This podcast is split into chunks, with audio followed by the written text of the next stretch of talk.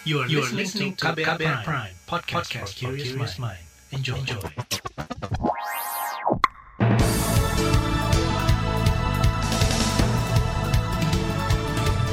Selamat pagi saudara, jumpa lagi di program Buletin Pagi edisi Selasa 14 Desember 2021.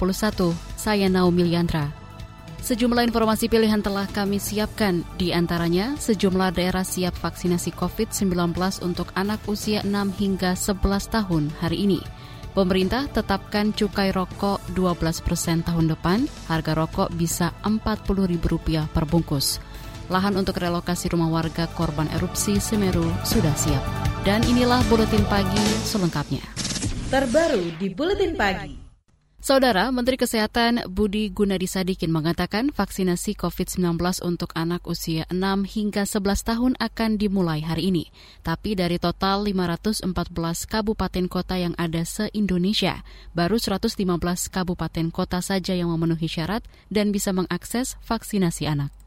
Siapa yang boleh melakukan vaksinasi anak ini adalah kabupaten kota yang sudah memenuhi kriteria 70% vaksinasi pertama dan 60% vaksinasi untuk lansia. Jadi kita identifikasi ada 115 kabupaten kota di beberapa provinsi yang sudah memenuhi kriteria ini. Mereka yang akan kita alokasikan vaksin Sinovac untuk bisa memulai suntik anak-anak 6 sampai 11 tahun mulai besok. Menteri Kesehatan Budi Gunadi Sadikin juga menjelaskan vaksin yang akan diberikan kepada anak usia 6 hingga 11 tahun sesuai persetujuan Badan POM adalah vaksin Sinovac. Vaksin ini diberikan dengan selisih waktu satu bulan dan dosisnya pun sama dengan dosis vaksin untuk dewasa. Budi mengklaim jumlah stok vaksin dalam negeri saat ini 348 juta dosis. Jumlah itu cukup untuk mencapai target vaksinasi. Pemerintah menargetkan anak usia 6 hingga 11 tahun yang akan divaksinasi berjumlah 26,5 juta anak.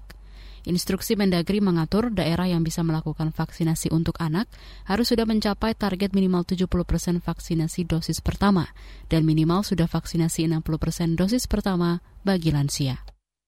Sementara itu ada sejumlah daerah yang dikabarkan siap melaksanakan ini. Bali misalnya, Gubernur Bali Wayan Koster mengatakan vaksinasi COVID-19 untuk anak akan dilakukan di sekolah-sekolah dasar di Denpasar. Pencapaian vaksinasinya untuk vaksin satu sudah mencapai 101,6 persen. Dan vaksin yang kedua sudah 90 persen. Jadi rupanya herd immunity-nya sudah terbentuk di Bali. Hmm. Plus sekarang mulai minggu ini, besok, sudah akan diizinkan vaksinasi untuk anak usia 6 sampai 11 tahun. Yang kemarin okay. kan usia 12 tahun ke atas. Gubernur Bali Wayan Koster memperkirakan ada 380-an ribu anak usia 6 hingga 11 tahun yang akan jadi sasaran vaksinasi di Pulau Dewata. Sedangkan di Balikpapan, Kalimantan Timur, vaksinasi COVID-19 untuk anak usia 6 hingga 11 tahun juga siap dilakukan. Kepala Dinas Kesehatan Balikpapan, Andi Sri Juliarti, mengatakan ada lebih dari 81 ribu anak yang akan disuntik vaksin. Dan Kota Balikpapan sudah memenuhi syarat untuk itu eh, dan kami sedang melakukan persiapan secepatnya. Pertama mengumpulkan data, kami sudah mendapatkan data dari uh, Disduk Capil. Jadi kami uh, sekarang mempersiapkan dulu tenaga, kemudian lokasi-lokasi pelaksanaan. Adapun jenis vaksin yang akan digunakan Sinovac sudah tiba. Kepala Dinas Kesehatan Balikpapan Andi Sri Juliarti menambahkan saat ini sedang dipersiapkan lokasi sentra vaksinasi anak usia 6 hingga 11 tahun, termasuk menyiapkan vaksinatornya. Selain Bali dan Balikpapan, Kota Semarang, Jawa Tengah juga siap melaksanakan vaksinasi COVID-19 untuk anak. Namun Kepala Dinas Pendidikan Kota Semarang, Jawa Tengah, Gunawan Sabtogiri mengatakan vaksinasi ini baru akan dimulai pada 21 Desember nanti. Nah, rencananya akan kita mulai tanggal 21. Ya, kalau di negeri kan 11 ribu lebih, tapi kalau dengan swasta ya lumayan banyak datanya. Pada prinsipnya izin orang tua adalah mutlak. Jadi manakala ada orang tua yang belum mengizinkan ya nggak apa-apa. Kepala Dinas Pendidikan Semarang Gunawan Sabtogiri menambahkan sudah meminta seluruh SD melakukan sosialisasi vaksinasi dan meminta persetujuan orang tua siswa. Ketua Kelompok Penasihat Teknis untuk Imunisasi Indonesia ITAGI, Sri Rezeki Hadinegoro mengatakan tidak perlu perlakuan khusus terhadap pelaksanaan vaksinasi anak karena pelaksanaan vaksinasi COVID-19 untuk anak usia 6 hingga 11 tahun sama saja dengan vaksinasi untuk usia remaja 13 hingga 17 tahun. Sebetulnya si pasien anak untuk 6 sampai 11 tahun itu udah biasa ya. Selama ini kan udah rutin vaksin-vaksin yang lain. Jadi sebetulnya sih ini nggak seperti orang dewasa. Jadi sebetulnya ibu-ibu juga udah pada tahu lah apa yang harus dikerjakan ya. Karena sampai di sekolah SD itu kan ada programnya juga gitu ya. Jadi sebetulnya nggak ada yang istimewa untuk vaksinasi COVID ini ya. Tapi Ketua Itagi Sri Rezeki Hadinegoro mengingatkan pemberian vaksin COVID-19 harus tetap memperhatikan kondisi kesehatan anak. Sri menyarankan saat pelaksanaan vaksinasi, anak harus turut didampingi orang tua. Meskipun vaksin Sinovac tidak membuat efek samping, juga tidak memicu kejadian ikutan pasca imunisasi atau KIPI yang berat. Pada bagian bekas suntikan anak, agak bengkak dan memerah itu hal biasa. Begitu juga ada efek demam yang sebenarnya tidak banyak dikeluhkan. Sementara itu relawan Koalisi Masyarakat Pemantau Wabah atau Lapor COVID Amandatan meminta agar pengawasan dan pendataan vaksinasi bagi anak usia 6 hingga 11 tahun diperbaiki. Karena selama ini administrasi selalu jadi kendala masyarakat untuk mendapat vaksinasi lengkap kalau misalnya tata laksananya tetap tidak diawasi dan tidak di eh, ya tidak dimonitor gitu ya mbak ya tidak hmm. ada feedback mekanisme yang bagus dan kemudian kita melaporkan juga tidak ditindaklanjuti kami rasa gitu ya mbak sebagai koalisi akan ada administrasi seperti itu, seperti itu kembali gitu ya walaupun hmm. sepertinya kalau vaksinasi anak lebih teratur karena kan yang menyelenggarakan sekolahnya gitu ya mbak hmm. sehingga ada tempat gitu bagi mereka untuk ke sana langsung berbeda dengan vaksinasi dewasa yang mana ya udah dewasa harus sendiri gitu mbak kalau hmm. anak mungkin ada ada ada organizernya gitu ya. Relawan lapor COVID Amandatan juga mendesak vaksinasi anak harus diselenggarakan serentak dan merata di semua provinsi, karena anak-anak termasuk golongan rentan terinfeksi virus corona dan harus melakukan pembelajaran tatap muka atau PTM di sekolah. Pemerintah tetapkan cukai rokok 12 persen. Tahun depan harga rokok bisa tembus Rp40.000 per bungkus. Informasi selengkapnya hadir sesaat lagi. Tetaplah di Buletin Pagi KBR.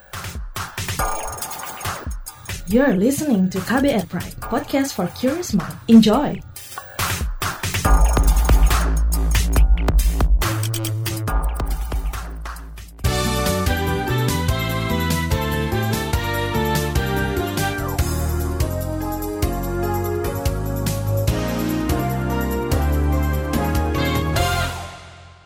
Anda sedang mendengarkan buletin pagi KBR.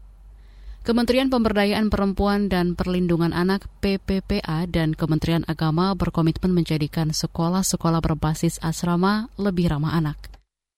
Harapan itu menurut Menteri PPPA Bintang Puspayoga ditandai dengan penandatanganan pernyataan bersama peningkatan pengasuhan ramah anak di lembaga pendidikan asrama.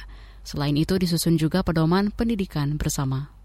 Adapun dalam upaya mencegah terjadinya kekerasan di lembaga pendidikan berasrama yang tentunya berbasis agama, telah banyak langkah yang sudah kami lakukan bersama dengan Kementerian Agama. Salah satunya adalah menyusun pedoman lembaga pendidikan berasrama yang ramah anak. Itu tadi Menteri PPPA Bintang Puspayoga. Sementara itu, Komnas Perempuan menyatakan lembaga pendidikan berasrama seperti pesantren menempati posisi kedua tertinggi dengan kasus kekerasan seksual setelah perguruan tinggi. Komisioner Komnas Perempuan Siti Aminah Tardi menjelaskan, tingginya kasus kekerasan seksual di pesantren karena masih kentalnya relasi kuasa dan patriarki. Itu diperparah dengan lingkungan pesantren yang eksklusif atau tertutup dari masyarakat. Pemerintah terus memperketat pintu masuk internasional guna memastikan COVID-19 varian Omikron tidak masuk ke tanah air. Menteri Kesehatan Budi Gunadi Sadikin mengatakan pelaku perjalanan internasional paling banyak melalui jalur udara. Mengacu pada kasus sebelumnya, dari 33 ribu orang yang masuk melalui Bandara Soekarno-Hatta, ada 98 orang dinyatakan positif COVID-19 varian Delta. Khusus untuk Omikron kita juga sangat menjaga, seperti tadi Pak Miko sampaikan, pintu masuk pintu masuk kita. Sedangkan yang melalui jalur darat menurut Menkes Budi Gunadi Sadikin, dari 2000 penumpang asal luar negeri ada 73 orang yang dinyatakan positif COVID-19 varian Delta. Sementara itu, Wakil Ketua Komite Penanganan COVID-19 dan Pemulihan Ekonomi Nasional Luhut Binsar Panjaitan mengatakan selama 150 hari atau hampir 5 bulan terakhir, kasus COVID-19 di Indonesia tidak menunjukkan tanda peningkatan signifikan. Meski begitu, Luhut meminta masyarakat jangan lengah dan tidak melakukan perjalanan ke luar negeri. Hal itu untuk mencegah masuknya Omikron ke Indonesia. Beralih ke informasi ekonomi. Saudara, harga rokok tahun depan akan semakin mahal. Kemarin pemerintah menetapkan cukai rokok tahun depan di angka 12 persen. Sedangkan untuk sigaret kretek tangan, cukainya menjadi 4,5 persen. Menteri Keuangan Sri Mulyani mengklaim kebijakan itu untuk mengendalikan tingkat konsumsi rokok masyarakat. Kenaikan cukai rata-rata rokok adalah 12 persen. Tapi untuk XKT yaitu sigaret kretek tangan. Jadi kita menetapkan 4,5 persen. Menteri Keuangan Sri Mulyani menambahkan, kenaikan cukai rokok selalu mempertimbangkan empat faktor, yaitu pengendalian konsumsi rokok, tenaga kerja, penerimaan negara, dan pengawasan barang ilegal. Untuk diketahui dengan menetapkan cukai rokok jadi 12 persen pada tahun depan, maka harga rokok bisa mencapai Rp40.000 per bungkus. DPR mendesak Otoritas Jasa Keuangan OJK untuk lebih agresif menangani kasus penipuan investasi yang merugikan ribuan nasabah. Dalam rapat kerja bersama OJK kemarin, anggota Komisi Bidang Keuangan dan Perbankan DPR, Vera Febianti, meminta OJK meningkatkan kualitas pengawasan terhadap industri jasa keuangan, memperkuat kualitas sumber daya manusia, meningkatkan kapabilitas penyelidikan, dan memperkuat tim legal. Bukan hanya di sektor asuransi saja, tapi yang personal, praktek-praktek yang dilakukan oleh beberapa industri jasa keuangan, perasuransian, dan mengenai multi finance itu juga banyak kebobrokan, terutama di, yang ada di dalam tempatnya IKNB. Jadi Pak Tirta, yang dimaksud tidak optimal ini adalah pengawasannya yang dimaksud tidak optimal dan perlindungan konsumennya. Sementara itu, anggota Komisi Bidang Keuangan dan Perbankan DPR Masinton Pasaribu menilai kinerja pengawasan dan perlindungan konsumen yang dilakukan OJK masih belum optimal. Terbukti nilai kerugian masyarakat akibat investasi bodong mencapai 117,4 triliun rupiah dalam 10 tahun terakhir. Kita ke informasi mancanegara. Organisasi Kesehatan Dunia WHO menyarankan seluruh warga dunia yang mendapatkan vaksinasi dengan jenis inaktif vaksin atau vaksin dari virus yang dimatikan untuk segera mendapatkan vaksin dosis ketiga.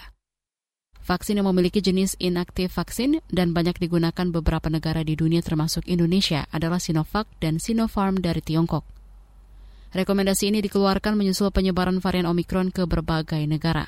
Beberapa negara yang menggunakan vaksin asal Tiongkok pun telah memulai vaksinasi booster, seperti Turki, Uni Emirat Arab, hingga Thailand. Meski begitu, WHO menekankan pemberian vaksin dosis pertama harus menjadi prioritas dibandingkan booster, mengingat capaian vaksinasi di sebagian besar negara berkembang masih rendah. Beralih ke informasi olahraga, Jelang laga timnas Indonesia kontra Vietnam besok malam, kedua pelatih yang sama-sama asal Korea Selatan saling menyampaikan pujian. Pelatih Vietnam Park Hang-seo mengklaim punya kedekatan erat bahkan sudah hampir seperti saudara dengan pelatih Indonesia Sintayong. Park juga menyatakan tidak meragukan kualitas Sintayong yang pernah memimpin timnas Korea Selatan di Piala Dunia 2018 lalu. Ketika itu Korea Selatan mampu mengalahkan Jerman, sedangkan Sintayong memuji penampilan Vietnam yang disebutnya berpeluang menjuarai Piala AFF 2020. Sebelumnya di laga grup B, Vietnam sukses mengalahkan Laos dan Malaysia, sedangkan timnas Indonesia juga sudah menang dua kali, mengalahkan Kamboja dan Laos. Di bagian berikutnya kami hadirkan laporan khas KBR bertajuk Pandemi Kekerasan Seksual Terhadap Perempuan dan Anak. Nantikan sesaat lagi. You're listening to KBR Pride, podcast for curious mind. Enjoy!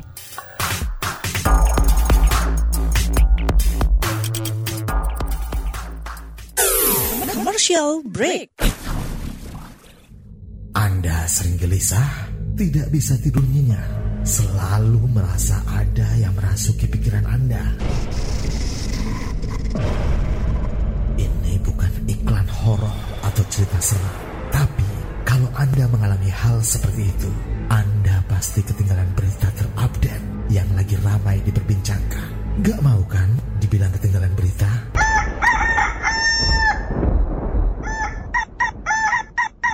Makanya dengerin KBR Pagi, siaran pagi radio paling update, menghadirkan narasumber yang terpercaya dan kredibel. Banyak lagu-lagu dari zaman old sampai zaman now. Setiap hari Senin sampai dengan Jumat, mulai pukul 7 sampai 8 waktu Indonesia Barat. Bisa didengerin dari Aceh hingga Papua. Cukup satu jam saja untuk membuat kamu tetap update.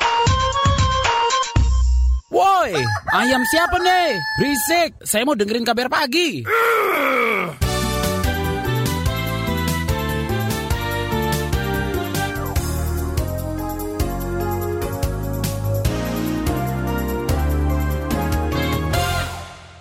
Anda masih bersama kami di Buletin Pagi KBR.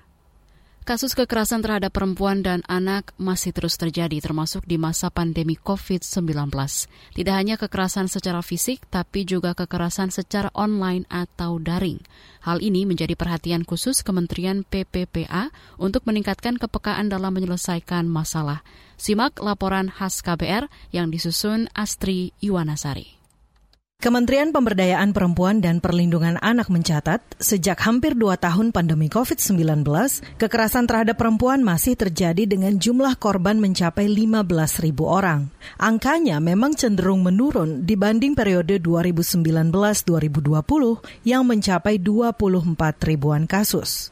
Berdasarkan sistem informasi online atau Simfoni di Perlindungan Perempuan dan Anak, kasus kekerasan dalam rumah tangga KDRT merupakan bentuk kekerasan yang paling banyak dilaporkan, mencapai 74 persen dari total 8.800-an kasus. Selain itu, kasus kekerasan seksual terhadap anak mencapai 60 persen dari total 12 ribuan kasus kekerasan terhadap anak. Menteri Pemberdayaan Perempuan dan Perlindungan Anak Bintang Puspayoga meminta dukungan semua pihak untuk mengawal pengesahan rancangan Undang-Undang Tindak Pidana Kekerasan Seksual RUU TPKS. Kehadiran undang-undang ini dianggap bisa memberi perlindungan lebih kepada perempuan dan anak-anak dari ancaman kekerasan seksual. Bintang mengatakan, pandemi COVID-19 menjadi salah satu pemicu masalah sosial, KDRT, hingga kekerasan seksual. Menurutnya, kebijakan untuk tetap di rumah saja selama pandemi malah menguntungkan pelaku dan justru menyulitkan korban kekerasan mengakses layanan perlindungan. Berbagai upaya yang dilakukan oleh Kementerian Pemberdayaan Perempuan dan Pelindungan Anak tentunya tidak akan mencapai hasil yang optimal tanpa adanya payung hukum yang mengatur mengenai perlindungan kekerasan terhadap perempuan dan anak secara komprehensif. Pada kesempatan yang sangat-sangat baik ini, saya mohon dukungan dari semua pihak yang hadir untuk mendukung, untuk mengawal, dan merapatkan barisan perjuangan agar rancangan undang-undang tindak pidana kekerasan seksual dapat segera disahkan. Di tengah kasus kekerasan terhadap perempuan dan anak yang ditakutkan menjadi pandemi baru, masyarakat mendapat angin segar. Badan Legislasi DPR sudah menyetujui RUU Tindak Pidana Kekerasan Seksual TPKS menjadi usul inisiatif DPR. Pemerintah pun berencana membentuk gugus tugas percepatan RUU Tindak Pidana Kekerasan Seksual agar RUU itu bisa cepat disahkan menjadi undang-undang. Deputi Kepala Kantor Staf Presiden Jaleswari Pramowardani melalui pesan singkat mengatakan gugus tugas itu nantinya akan melibatkan kementerian dan lembaga terkait yang memang memiliki tugas beririsan dengan perempuan dan tindak kekerasan. Di antaranya seperti Kementerian Pemberdayaan Perempuan dan Perlindungan Anak, Kementerian Hukum dan HAM, Kejaksaan, Polri, dan KSP. DPR mengapresiasi langkah pemerintah membentuk gugus tugas percepatan RUU Tindak Pidana Kekerasan Seksual. Wakil Ketua Badan Legislasi DPR, Willy Aditya mengatakan, gugus tugas RUU TPKS yang dibentuk pemerintah dan melibatkan banyak pemangku kepentingan bisa mempercepat pembahasan RUU itu. Kalau dengan sudah dibentuknya gugus tugas oleh pemerintah, saya melihatnya optimis bisa lebih cepat ya komunikasi berjalan dengan baik. Pemerintah juga sebelumnya sudah memiliki pengalaman dalam proses membahas ini. Apresiasi juga disampaikan pakar hukum tata negara Bivitri Susanti. Namun, Bivitri menilai perjalanan RUU TPKS masih panjang karena baru akan dimulai tahun depan. Bivitri berharap nantinya Undang-Undang TPKS bisa memperbaiki penanganan pidana asusila yang ditangani kepolisian, kejaksaan, dan penegak hukum lainnya. Karena selama ini, pola pikir penanganan asusila selalu saja menyudutkan para korbannya. TPKS itu baru RUU usul inisiatif. Jadi kalau 16 Desember nanti disahkan, itu masih tahap penyusunan. Hmm. Tahap pembahasannya berarti tahun depan. Jadi memang perlu ada satu upaya khusus dari kedua belah pihak. Kalau menurut pasal 20 Undang-Undang Dasar kan, hmm. pemerintah dan DPR nih. Nah dari pemerintah juga memang perlu upaya khusus supaya RUU ini cepat dibahasnya, jangan lama-lama. Selama ini kasus-kasus kekerasan seksual pada perempuan dan anak sering mengalami hambatan di lapangan. Lembaga Bantuan Hukum Asosiasi Perempuan Indonesia untuk Keadilan LBH Apik Jakarta menyebut hanya sebagian kecil aduan kasus yang diproses secara hukum. Staf LBH Apik Jakarta, Dian Novita mengatakan, sepanjang tahun ini, LBH Apik Jakarta menerima 1.300-an pengaduan kasus kekerasan terhadap perempuan dan anak. Jumlah ini meningkat dibandingkan tahun lalu, yang hanya 1.100-an kasus. Bahkan sebagai pendamping juga masih kesulitan dalam melakukan pendampingan. Hanya 30 kasus yang bisa diproses ke pengadilan, kemudian hanya 11 kasus yang inkrah di pengadilan agama dan 8 kasus yang inkrah di pengadilan negeri. Ini belum sebanding dibanding 1.321 kasus yang sudah berkonsultasi ke LBH Jakarta. Laporan ini disusun Astri Yuwanasari. Saya Aika Renata. Informasi dari berbagai daerah akan hadir usai jeda. Tetaplah bersama Buletin Pagi KBR. You're listening to KBR Pride, podcast for curious mind. Enjoy!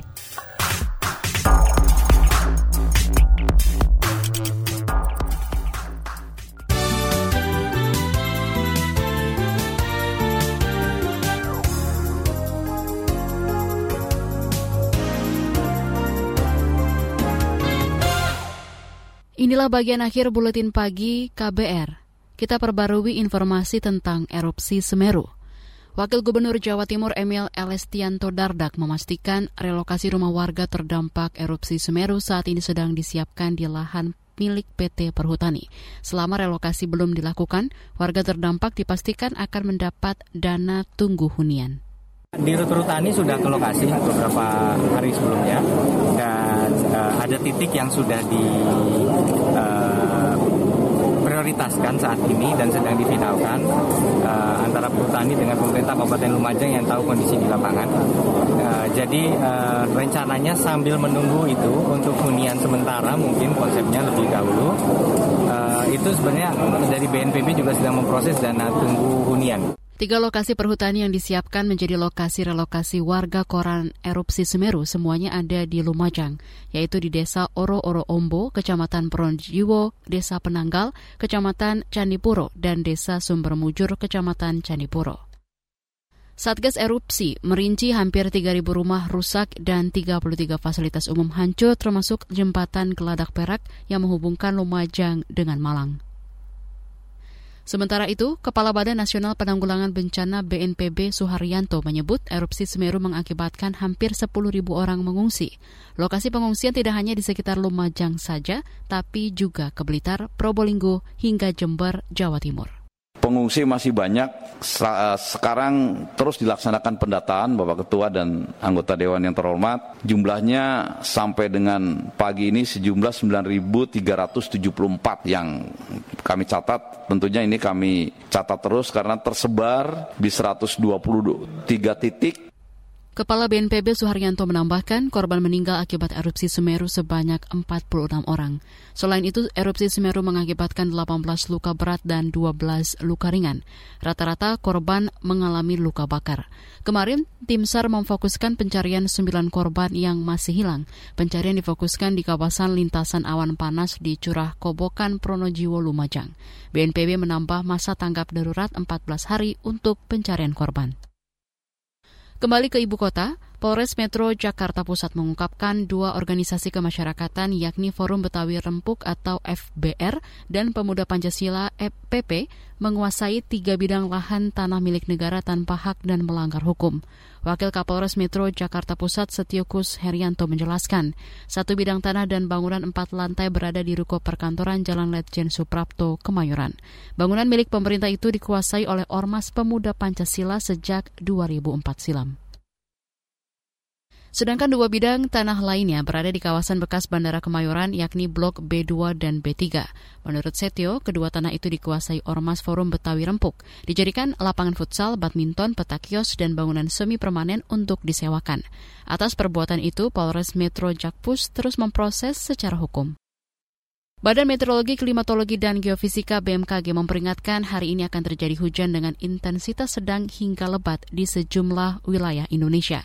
Menurut perakirawan cuaca BMKG, Maria Claudiana, hujan akan disertai kilat, petir, dan angin kencang.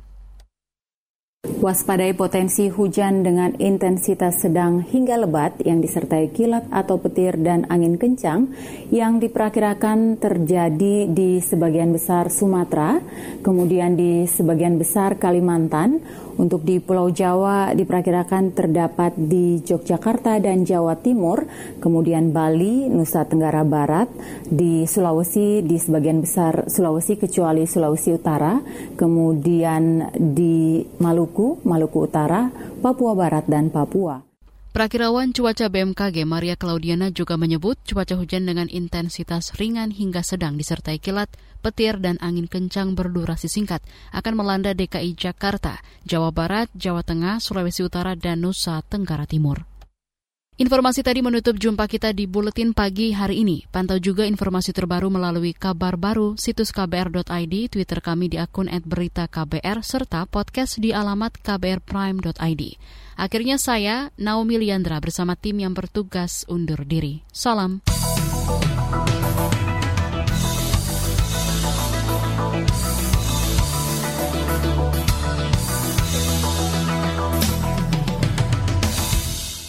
KBR Prime, cara asik mendengar berita. KBR Prime, podcast for curious mind.